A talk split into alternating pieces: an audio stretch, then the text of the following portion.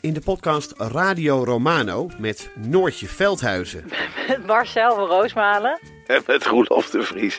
brengen we alle drie elke week een zogenaamde signalering mee. Wat heb jij nou weer bij je? En aan het eind bepalen we wie de winnaar van de week is. Echt een angstcultuur Lege huls die je er bent? Ja, dat gaat eigenlijk altijd onvriendelijk. Luister nu naar Radio Romano bij Podimo. Via podimo.nl slash Radio Romano luister je 30 dagen gratis. Kijk, het gesprek begon ogenschijnlijk over het onrecht dat mensen wordt aangedaan als er zo'n vernietigende recensie wordt geschreven. En wat dat met mensen doet. Ja. Daar leek het gesprek over te gaan. Maar gaandeweg, en dat is dankzij goed redactiewerk van mijn eh, redacteur destijds, blijkt dat die test niet deugt. Via podimo.nl slash gonzo luister je de eerste 30 dagen gratis naar Podimo.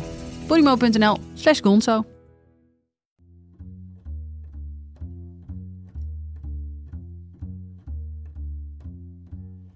Welkom. Vanaf de redactie van De Groene Amsterdammer is dit uw wekelijkse podcast.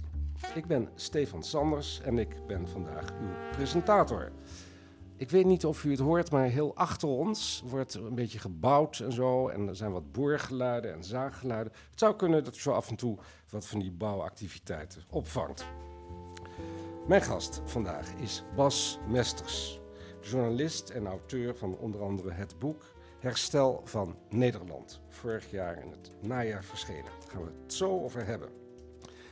Maar de directe aanleiding om vandaag te praten is een lang artikel, zes pagina's maar liefst, in De Groene van deze week. Over wonen gaat het. Over de mogelijkheid om dat zelf als groep te regelen in coöperatief verband. Om zo duurzaam en gezamenlijk een nieuw woonproject te realiseren. Het is het eerste deel van een serie. Nu gaat het over wonen, maar het zal de komende tijd in De Groene ook gaan over verzekeren en landbouw en buurtzorg en nog zo wat zaken. Welkom, welkom Bas. Bas Mesters. De oplettende groene lezer weet wie je bent, want je schreef vanaf 2017, dat is weer een tijdje geleden, een serie over de zogenaamde broederschapsrevolutie, waarvoor je door Europa trok. Parijs, Londen, Warschau. Vertel, hoe zat dat? Ja, dat was in de tijd dat eh, de polarisatie echt eh, opkwam en dat er verkiezingen waren in een heleboel landen tegelijk. In Duitsland, Italië, Frankrijk, Engeland. En overal speelde op een of andere manier wel eh, die kwestie van in hoe, groot worden die radicaal rechtse partijen. En ehm, ja, ik, ik had als journalistieke vraag van ja, waar zoveel uit elkaar gespeeld dreigt te worden, wat kan Europa nog binden in die tijd? En ik had een soort hypothese, eh, na wat lezen, voor mezelf geformuleerd. Van zou het niet zo zijn dat de 19e eeuw de eeuw van de gelijkheidsrevolutie was, met de sociale bewegingen die uiteindelijk in de verzorgingsstaat culmineerden. De arbeidersbeweging, Ja. het socialisme dat opkwam, ja. Precies. En de 20e eeuw, zou dat niet vanaf de Tweede Wereldoorlog de vrijheidsrevolutie zijn geweest? De eeuw van de vrijheidsrevolutie. Met de, hè, de, de tanks die op Normandische strand oprolden. Ja, de tanks zeggen in deze dagen is er iets, eh, nou ja. Maar goed, die bevrijden ons toen. En dat leidde uiteindelijk tot, ehm, tot het individualisme. Iedereen kon op, op vakantie eh, gaan overal. Iedereen kreeg zijn eigen koelkast. We gingen flower power. En uiteindelijk werd het neoliberalisme en sloeg dat door. En mijn eh, hypothese, of werkhypothese was, manier om te kijken was... is het niet zo dat we zonder dat we het doorhebben...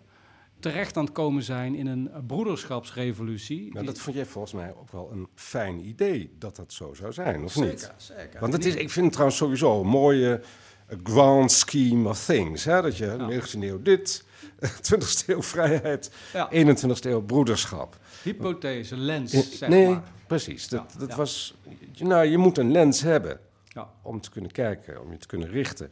Wat gaf jou in dat er die broederschap aan je hand was? Want zoals je al zei, veel eh, extreemrechtse rechtse partijen die op winst stonden, leek het in 2017.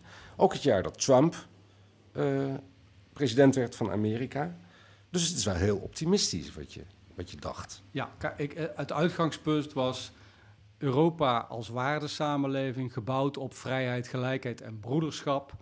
Ehm, ik heb in de geschiedenis vooral die vrijheid en die gelijkheid veel gezien, maar broederschap is altijd een beetje Of het kwam op verkeerde momenten op, of het was er niet, zou je kunnen zeggen.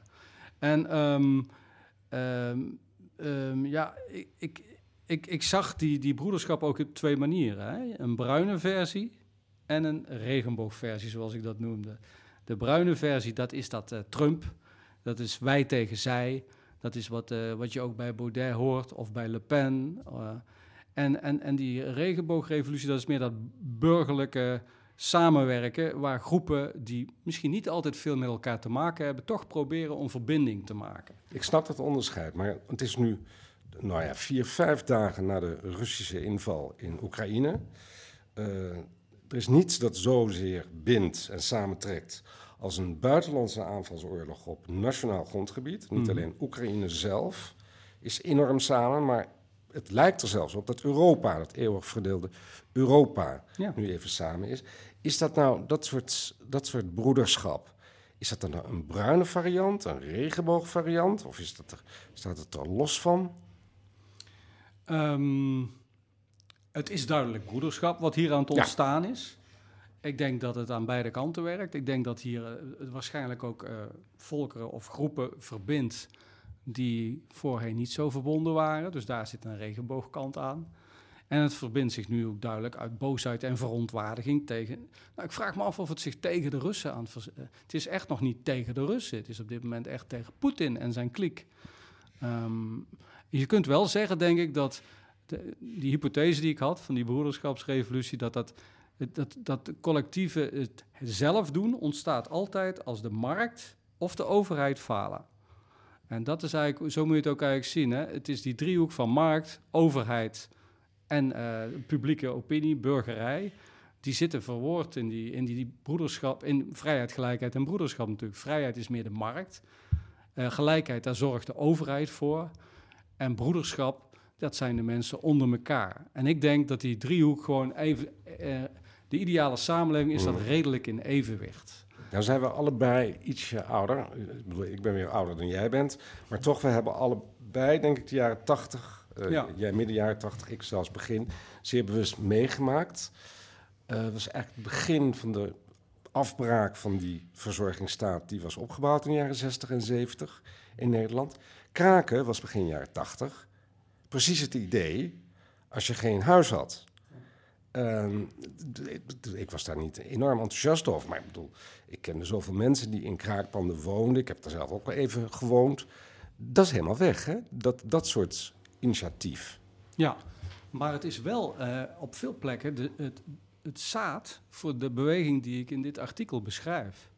Bijvoorbeeld ehm, de Nieuwe Meent, waar we het over gaan hebben. In Amsterdam is In dat, Amsterdam. is een zelfbouwproject, hè? Ja, zelfbouwprojecten in Amsterdam, die zijn voor een deel geïnspireerd uit, eh, uit de krakersbewegingen, die eh, die ideeën altijd zijn door gaan ontwikkelen en die in, inmiddels in samenwerking met de overheid ook eh, dingen geïnstitutionaliseerd hebben. En die proberen nu een stap extra te zetten en zien ruimte ehm, om, ehm, om eh, in deze samenleving waar weer meer ruimte is voor eh, burgerinitiatieven, om daar een rol in te spelen en inspiratie in te bieden. Het zijn vaak ook oude krakers die er mee aan trekken. Nou ja, dat is eigenlijk de lange mars door de instituties, zoals ons in de jaren 60 en 70 alweer toegezegd. Dus die is zich nu aan het voltrekken voor een deel. Het zijn natuurlijk ook veel jongere mensen. Ja, ja die hier het is aan- aan een, een deel van de inspiratie. Want Ja. er zijn ook echt veel jongeren die gewoon vanwege de ja, onbetaalbaarheid van de huizen natuurlijk, eh, maar ook ouderen die zorg zoeken. eh, eh, en alleenstaande moeders die het prettig vinden om het niet helemaal alleen te moeten rooien. In het artikel vertellen mensen ook echt eh, over hun motivatie waarom ze elkaar opzoeken. En dat zit heel erg in zich alleen voelen. Dat zit in last hebben van die prestatiemaatschappij. Dus de, de excessen van dat neoliberalisme en die druk en die concurrentie en die stress. Mensen zoeken wat meer rust bij elkaar, merk je. Het zijn nu nog hele kleine groepen. En ze hebben ook moeite om zich te ontwikkelen. Daar komen we waarschijnlijk ook nog wel op. Maar je, het is dus zeker niet alleen de krakerswereld, maar er zit wel kennis daar die ontwikkeld is, die nu ook gebruikt wordt. En dan had je ook nog COVID. Dus Ja. had je ook nog COVID. Dus je had Trump, 2017, al die extreemrechtse of rechtse, zeer rechtse partijen die aan de macht zouden kunnen komen, was toen het idee.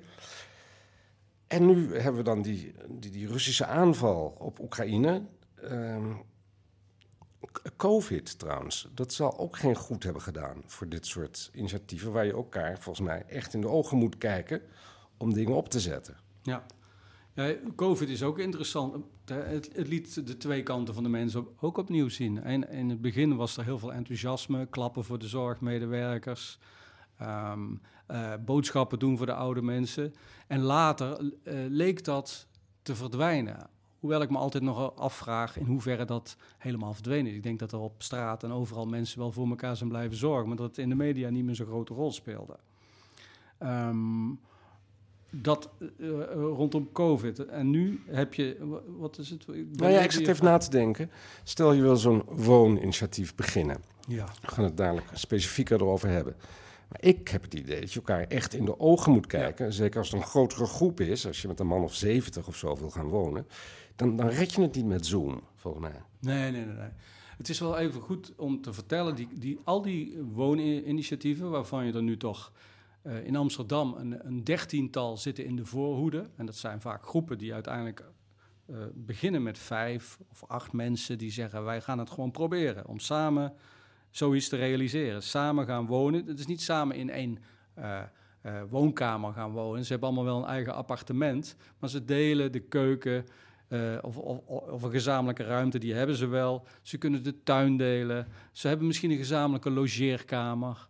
Um, ze zullen misschien af en toe afspreken. Ze onderhouden het samen. Sommigen hebben ook het eigendom echt samen. En anderen die hebben een beheerscoöperatie. Die, die, die, die, huur, die huren het samen van een organisatie en beheren het zelf. Nou, er zijn allerlei vormen. En ze beginnen dus klein en dan, zijn ze, dan is het nog een vrij homogene groep.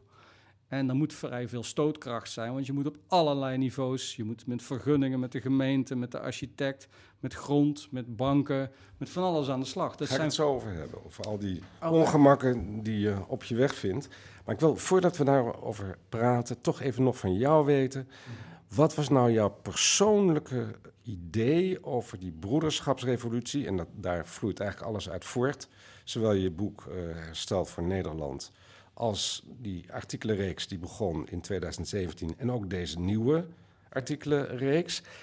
Was jij altijd heel erg een broederlijk iemand, uh, politiek gesproken of qua temperament? Uh, wat was jouw persoonlijke inspiratie?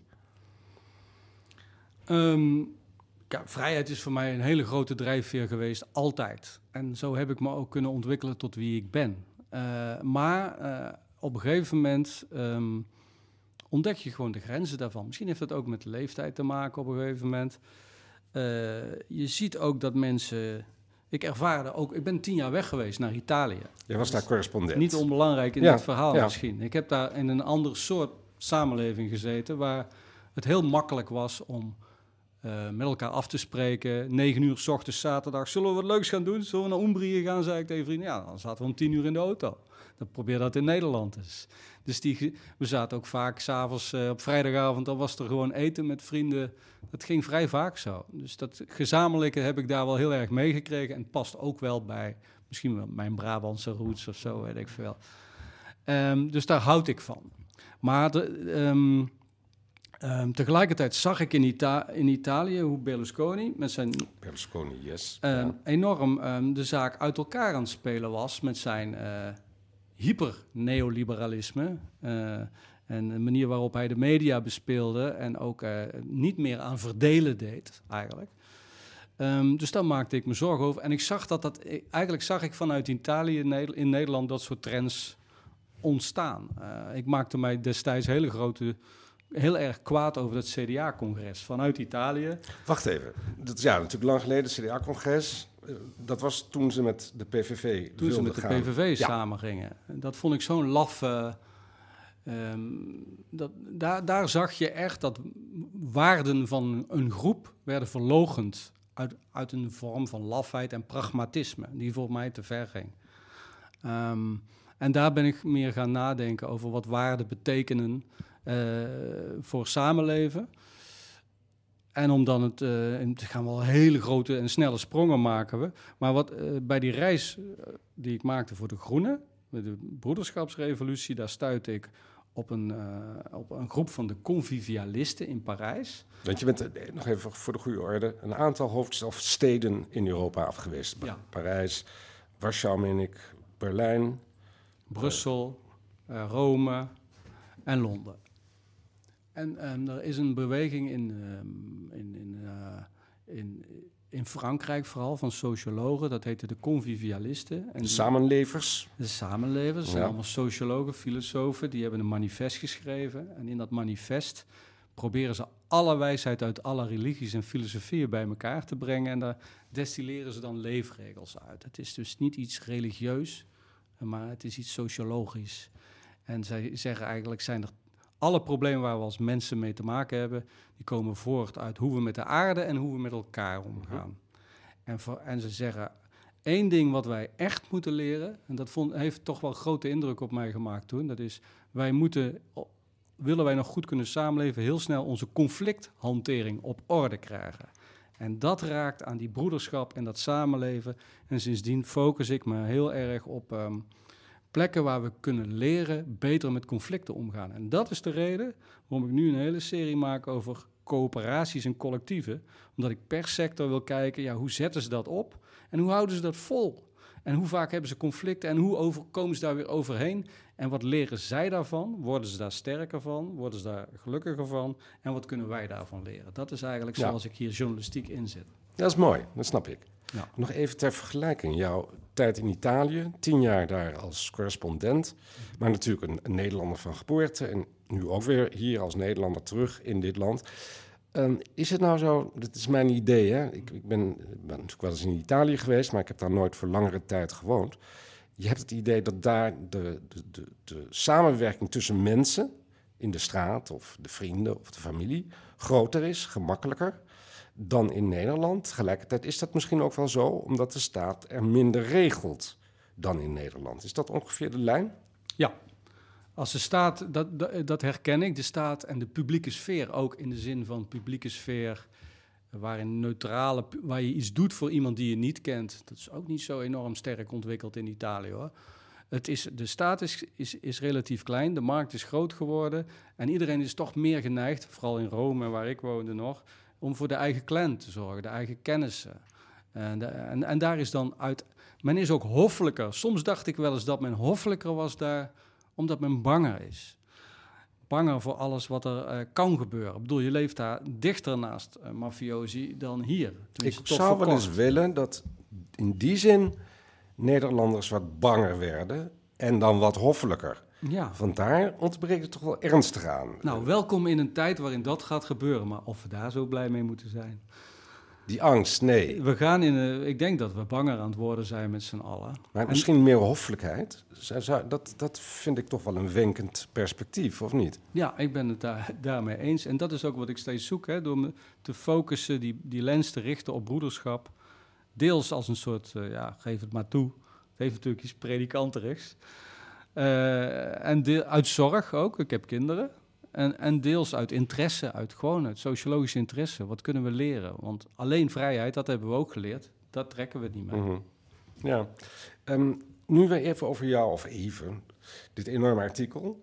Het is Democratie in actie. En dat gaat over de collectieve revolutie. Wonen, eerste af- aflevering. Ehm, laten we even naar een fragmentje luisteren.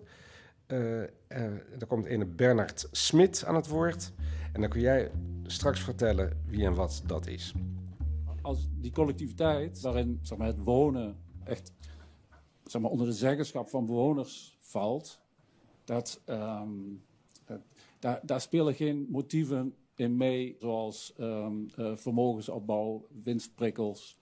Eh, dan gaat het om hele andere waarden. Dat is een, een heel andere, integralere benadering van het wonen. Het wonen is niet het, verblijven onder een dak. Het, het wonen is een activiteit. eh, en wonen doe je ook niet in je eentje. Wonen doe je samen. Je hebt te maken met je omgeving. En het wonen faciliteert, je, je huis, je woning faciliteert daarin. Ehm, als je daarin fijn, prettig, gelukkig wilt wonen, doe je dat dus ook niet alleen. Het, het wonen moet je niet gaan, gaan vormgeven rondom een individuele woning voor een individueel huishouden. Ehm, je moet het collectiever eh, benaderen.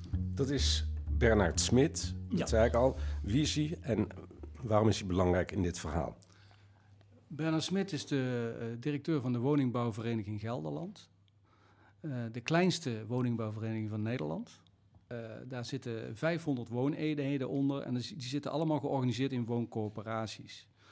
Um, hij is uh, iemand die een grote rol speelt in mijn boek Het Herstel van Nederland. Daar is hij een van de mensen die, komt, die, die vertelt daar de oplossingen voor de wooncrisis. En zijn stelling is, we zouden eigenlijk moeten verbieden om nog individuele wooneenheden te bouwen. Is wel een, een radicale stelling, ja, niet? Ja, oud-kraker. Ja, ja, dat dacht ik al. ik denk dat moet, er moet in een krakers. Maar zijn ideeën zijn heel interessant, want hij zegt: we moeten gewoon uh, wonen definancialiseren.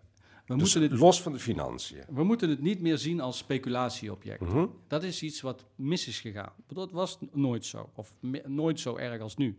Hij zegt: we moeten het gewoon zien als iets waar we uh, wat waarde in zich heeft. En niet alleen financiële, maar juist heel veel andere waarden. Samenlevingswaarden. En zeker als je samen gaat organiseren. En uh, zijn woningbouwcorporatie, die overigens in dit verhaal niet... Um, de Ecoveld, um, Ecodorp Zuiderveld, een van de twee corporaties die ik beschreef, die in Nijmegen, komt voor in dit verhaal en maakt... Uh, uh, is, is, een voorbeeld wat hij mij noemde. En daarom ben ik er voor de Groene nu naartoe gegaan. Want hij, uh, deze man, is dus iemand die echt in Gelderland dit soort acties, wooncollectieven, echt stimuleert, begrijp ik. Ja, nou, sterker nog, hij is gewoon al twintig jaar de directeur van de serieuze ja. woningbouwvereniging, die op is gezet uh, door, de, door die gemeente daar, Arnhem en Nijmegen, vanuit het idee, we willen iets creëren voor jongeren, zodat die ook goed kunnen wonen. En dan maakt is... hij dus zijn eigen functie overbodig als directeur van die woningbouwvereniging, of nee, niet? want het is een hele kleine uh, vereniging, corporatie, uh, die zeg maar dus nauwelijks overheid heeft. Er werken maar vier mensen en ze, la ze laten alles doen door die wooncorporatie. Dus het, als er die wooncoöperatie, want je hebt corporatie, dat zijn de dat zijn de oude corporaties die groot zijn, die we. Uh, en dit is dan een kleintje daarvan. En je hebt wooncoöperaties. En dat is wat mensen zelf beheren of zelfs eigendom van zijn. Bernard Smit is van de coöperaties. Ja, en onder hem zitten een aantal van die coöperaties. En hij zorgt eigenlijk meer voor de relaties met Den Haag, de, uh, de ambtelijke dingen. En die coöperaties zelf, die regelen hun eigen onderhoud, halen zelf hun geld op. Uh, dus dat is, uh, er zit heel veel werk wat een, co een corporatie allemaal zou regelen voor je. Dat doen de mensen zelf in een coöperatie. Nou, dat is ook nogal wat. Je noemde al Nijmegen Ecodorp Zuiderveld. Komt voor in dit artikel, wat mm. nu deze week in De Groene staat. Uh, dat is geloof ik zo goed als gerealiseerd. Hè? Ja, dat... dat is, in februari zijn de mensen daar ingetrokken. En um, zoals een, men, een van de mensen die het idee had daarvoor, Koen de Kruif, die vertelde: we moesten 600 dagen lullen, 300 dagen plannen en 150 dagen bouwen om het voor elkaar te krijgen. En dat is een, bijna een record in Nederland, de snelheid waarmee dit is neergezet. Is dit, is, dit is dus heel snel? Ja, dit is heel snel voor een wooncoöperatie. Maar vooral die eerste twee uh, cijfers die je noemde, over dat met elkaar moeten lullen en, en wat was er nog? Plannen. En het dus plannen. ben je drie jaar bezig met voorbereiden en praten. Want het, het, nou, ik begin te stotteren. Want het, het vraagt dus heel veel ja, van mensen die uh, zo'n wens hebben. Op zich heel mooi en heel begrijpelijk. Wonen wordt krankzinnig duur, is overal krankzinnig duur. Waarom zou je niet veel meer gaan delen? Waarom moet iedereen een eigen wasmachine hebben of een eigen afwasmachine? Waarom kun je niet met tien mensen één grote wasmachine hebben? Dat, dat snap ik allemaal heel goed. Maar wat ik me wel afvraag, want dat heb jij dus onderzocht, is als je je daarvoor inschrijft, dus je zegt, nou dat wil ik graag, zo'n wooncollectief of een wooncoöperatie, daaraan deelnemen. Maar dan moet je volgens mij bijna je baan opzeggen. Ja, er zijn echt super idealisten die aan de basis staan. Vijf of soms acht mensen, wat ik zei. En dat zijn professionals. Dat zijn echt, dat zijn hoog, relatief hoogopgeleide mensen. Die gewoon echt wonen gebruiken om uh, hun bijdrage te leveren aan het verbeteren van de samenleving. Dat gaat, die Koen de Kruijf die aan het begin stond, die is niet eens zelf gaan wonen. Die heeft het gewoon gedaan uit idealisme en die doet het elders weer. Dat soort mensen werken daar ook aan mee. Anderen zijn er wel gaan wonen. En wat je dan krijgt in de vervolgfase is dat er mensen aansluiten die zeggen: hey, daar komt wat, interessant. Die, hoeven te, die moeten ook meebouwen, maar al wat minder. En op het laatst, dan komen er nog meer mensen bij. Ja, die stappen gewoon in, maar die worden dan geconfronteerd met een, een, een groep waar ze in moeten samenwerken. En misschien hadden ze dat niet eens zo gedacht, maar daar worden, dan wordt er toch wel wat van je gevraagd. En, Nou, eh, die baan is geen grap voor mij. Want ik, ik, ik weet als mensen hun eigen huis gaan bouwen... meestal niet in Amsterdam, maar meestal ietsje verder weg... Op het, eh, nou ja, in, in het grotere Nederland...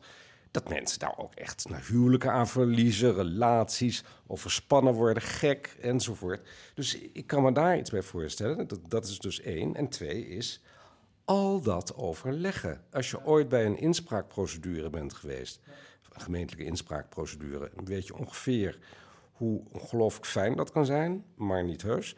Eh, al dat overleggen is, is ook bijna een soort collectieve psychotherapie, waar je dan met z'n zeventige, tachtige aan meedoet.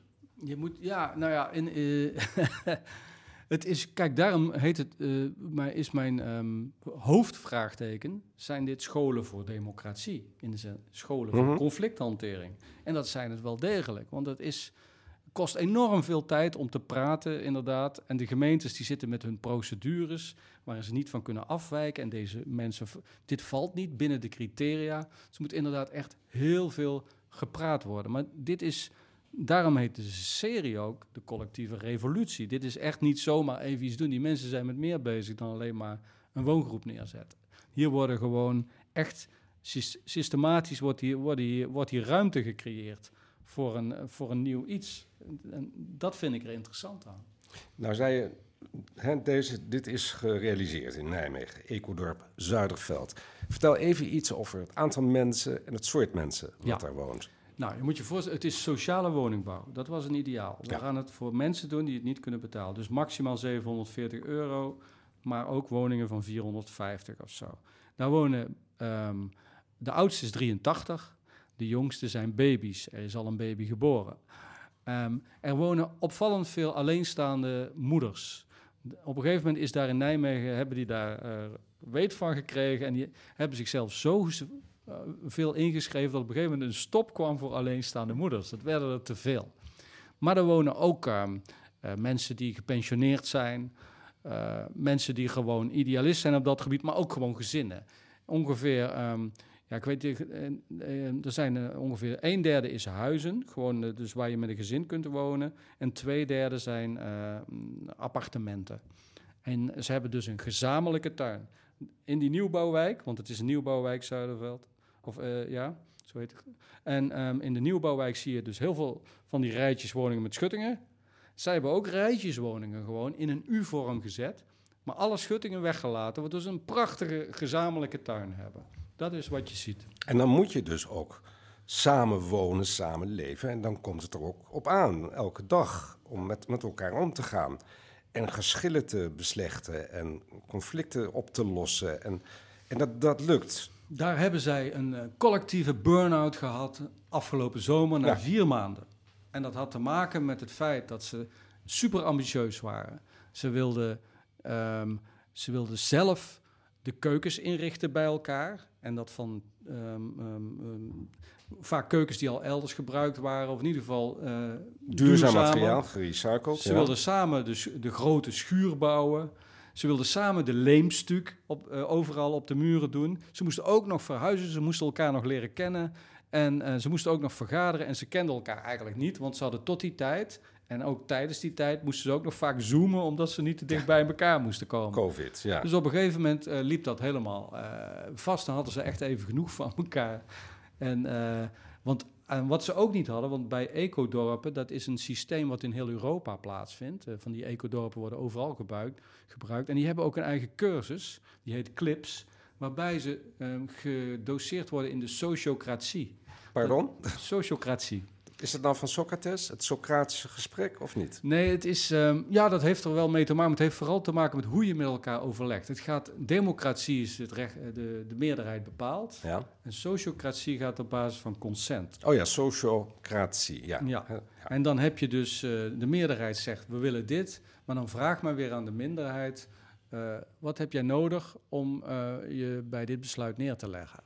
En dan wordt dan, misschien komt daar dan weer kennis uit die dat besluit nog beter maakt. Dus er wordt wat langer doorgepraat tot iedereen zich er, totdat er veiligheid is voor iedereen. Die cursus, die hebben ze dus onvoldoende gehad. En, waardoor, en die hebben ze nu vanaf eh, pakken ze die weer op. En nemen ze wat meer tijd en gaan ze wat meer genieten van wat ze wel allemaal hebben gerealiseerd. Want die tuin is mooi, de moestuin is mooi, het water wat daar klatert is mooi, de gezamenlijke ruimte is mooi. Dus, maar ze hebben even een enorme reset moeten doen en ze moeten nog veel leren om Ja. goed met elkaar om te gaan. Ik snap het heel goed. Ik ga nu naar een ander project in Amsterdam, hier. eh, de Meent. De nieuwe meent. De Nieuwe Meent, dat is in Amsterdam. Dat is in Watergraafsmeer. Watergasmeer. Ook hier weer een kort fragment waar we even naar gaan luisteren. Twee jaar geleden heeft de Nieuwe Meen tot actie eh, besloten. En de gemeente Amsterdam eh, heeft een competitie gehouden voor de grond bij Amsterdam Science Park. En die heeft de Nieuwe Meent gewonnen. Als eh, wooncoöperatie mogen we daar nu gaan bouwen. En het eind van het jaar wordt het definitief ontwerp ingeleverd. En het eind van 2022 zouden dan er de eerste bewoners er mogen intrekken. Dus dat zou heel eh, tof zijn. Wie was dit? Dat weet ik niet. Dit komt gewoon van hun website. Bij de Nieuwe Meent, dat, omdat sluit enorm aan op wat we net zeiden, daar zitten ze in een cruciale fase in eh, de realisatie van het geheel. Want daar is nog niks. Daar eh, is nog niks. Oh ja. Zij hebben dus de grond toegewezen gekregen, ze hebben de plannen, maar ze zitten nog met de financiering. En er is in Nederland, de Nederlandse banken, die hebben tot nu toe maar moeite met het financieren van groepen die een hypotheek vragen. In Duitsland, Zwitserland, Oostenrijk, waar 10% van de woningen zo is georganiseerd, bij ons helemaal niet, daar kan dat wel. En die banken stellen steeds meer voorwaarden. Dus zij zitten nu zo in de stress dat eigenlijk niemand met me wilde praten, behalve één iemand die de mailbox doet van de Nieuwe Meent. Dus deze mevrouw, die ken ik niet, maar eh, Max van der Ploeg, die heeft me te woord gestaan en helemaal uitgelegd hoe het er daaraan toe gaat. En is het nog steeds eh, enthousiasme voor de Nieuwe Meent in Amsterdam? Ze Zij- staan dus aan het begin. Nee, ze zijn eh, inmiddels met 40 mensen, heb ik begrepen. Ehm, enthousiasme is er eh, zeker, maar, er zijn, eh, maar het is een cruciale fase. Dus die kerngroep van 5, 8, die zit, de, bestuur zeg maar, zit er enorm te werken om dat rond te krijgen met die bank. Want elke week dat ze later zijn, de bouwmaterialen worden elke week duurder. Ze moeten echt opschieten daarmee. En daar hangen een schil van mensen omheen die in die commissies eh, van financiering, gezamenlijkheid, bouwen, de relaties met de buurt, communicatie, die hebben allemaal hun taken. Ehm, maar ehm, in feite is het nu echt. Eigenlijk wilden ze deze zomer gaan bouwen. Ze hebben het al een paar keer uitgesteld. Maar ja, het hangt daar dus erop. Ik snap in ieder geval toch heel goed, en eigenlijk veel beter, waarom begin jaren tachtig eh, er zoveel gekraakt werd. Natuurlijk ook omdat veel nood was, woningnood. Maar ook omdat je natuurlijk gek wordt van al deze banken en hypotheekaanvragen en banken die daar helemaal niet op zijn ingesteld. En dan kan je beter gewoon, denk ik, nou, hup, met z'n tienen bezetten we dit pand. Ja. En een fait accompli. Had u nog wat? Nou, dan moet je ons maar gewoon... eh, maar nou maar ja, dit zijn toonbeelden van beschaving als je ziet deze initiatieven. Ja. En ook, zoals ik zeg, democratische scholen. Dus het is ook iets waar je echt, als je de samenleving wil verbeteren, eh, goed naar moet kijken en zuinig op moet zijn. Niet alleen omdat ze woningen opleveren, maar ze leveren woonwaarde in de brede zin op. Ja, en dus beter burgerschap, om Ja. het maar even zo Ja. te Ja. zeggen. Ehm, nu zie ik hier op het einde van mijn papiertje staan... 10 maart, tussenruimte Emma. Dat heb jij me opgegeven, dus jij weet ook wat het is. Ja, de tussenruimte is een debatcentrum wat ik drie jaar geleden samen met onderzoeksbureau Emma heb opgezet in Den Haag. En daar doen we allemaal eh, debatten op het terrein van democratie en samenleving. Is Emma een ja, afkorting van iets? Eh, nee, ja, Emma is gewoon ja, eh, experts in media en maatschappij, noem, noemden ze zich ooit. Maar oh ja, nou ja, maar het is gewoon een mooie naam. Emma. het is een onderzoeksbureau waar 50 tot 60 mensen werken. En ik ben daar als journalist achter een redactiestatuut uitgenodigd om debatten te organiseren. En eh, met de Groenen hebben we afgesproken dat we elke keer na een artikel in deze serie de hoofdrolspelers uit de serie daar uitnodigen. Dan praten we verder en dan kunnen eh, lezers ook eh, meedoen, digitaal en misschien later ook weer fysiek. Ze kunnen in de chat vragen stellen aan de mensen van hoe moet dat? Dus we gaan die kennis verder verspreiden op die manier. 10 maart is dat. 10 hè? maart om half vijf. En via de website van de tussenruimte eh, bij Emma, dus eh, emma.nl slash tussenruimte kun je inschrijven. Bas, Bas Mesters. We gaan nog heel veel lezen van jouw artikelen. Veel succes met het verloop van de serie en, en dank voor dit gesprek. Jij bedankt. Verder nog deze week in De Groene. Uiteraard veel columns en artikelen over Oekraïne. Onder andere een analyse van buitenlandredacteur Rutger van der Hoeven. Die stelt dat het Russische draaiboek al na week 1 door de shredder kan. Nou, we zullen het zien. En een uitgebreid onderzoek naar de mensen achter Wikipedia. De zogeheten Wikipedianen. Wie zijn ze, wat drijft ze en hoe zien ze eruit? Misschien een leuk feitje. Er zijn meer Wikipedianen met een autismestoornis dan dat er vrouwelijke Wikipedianen zijn. Je mag zelf denken waarom en hoe dat komt, maar dat kan u natuurlijk ook lezen. Voor een proefabonnement gaat u naar groenet.nl. Volgende week zijn we er weer met een podcast met analyses en achtergronden bij nieuws en essays. Deze week werd de Groene Podcast gemaakt door Rosa Ibema, Daan Stoop en Stefan Sanders. En u hoort nu onze eindtune A Tune for Anne van Paul van Kemenade. Tot de volgende podcast.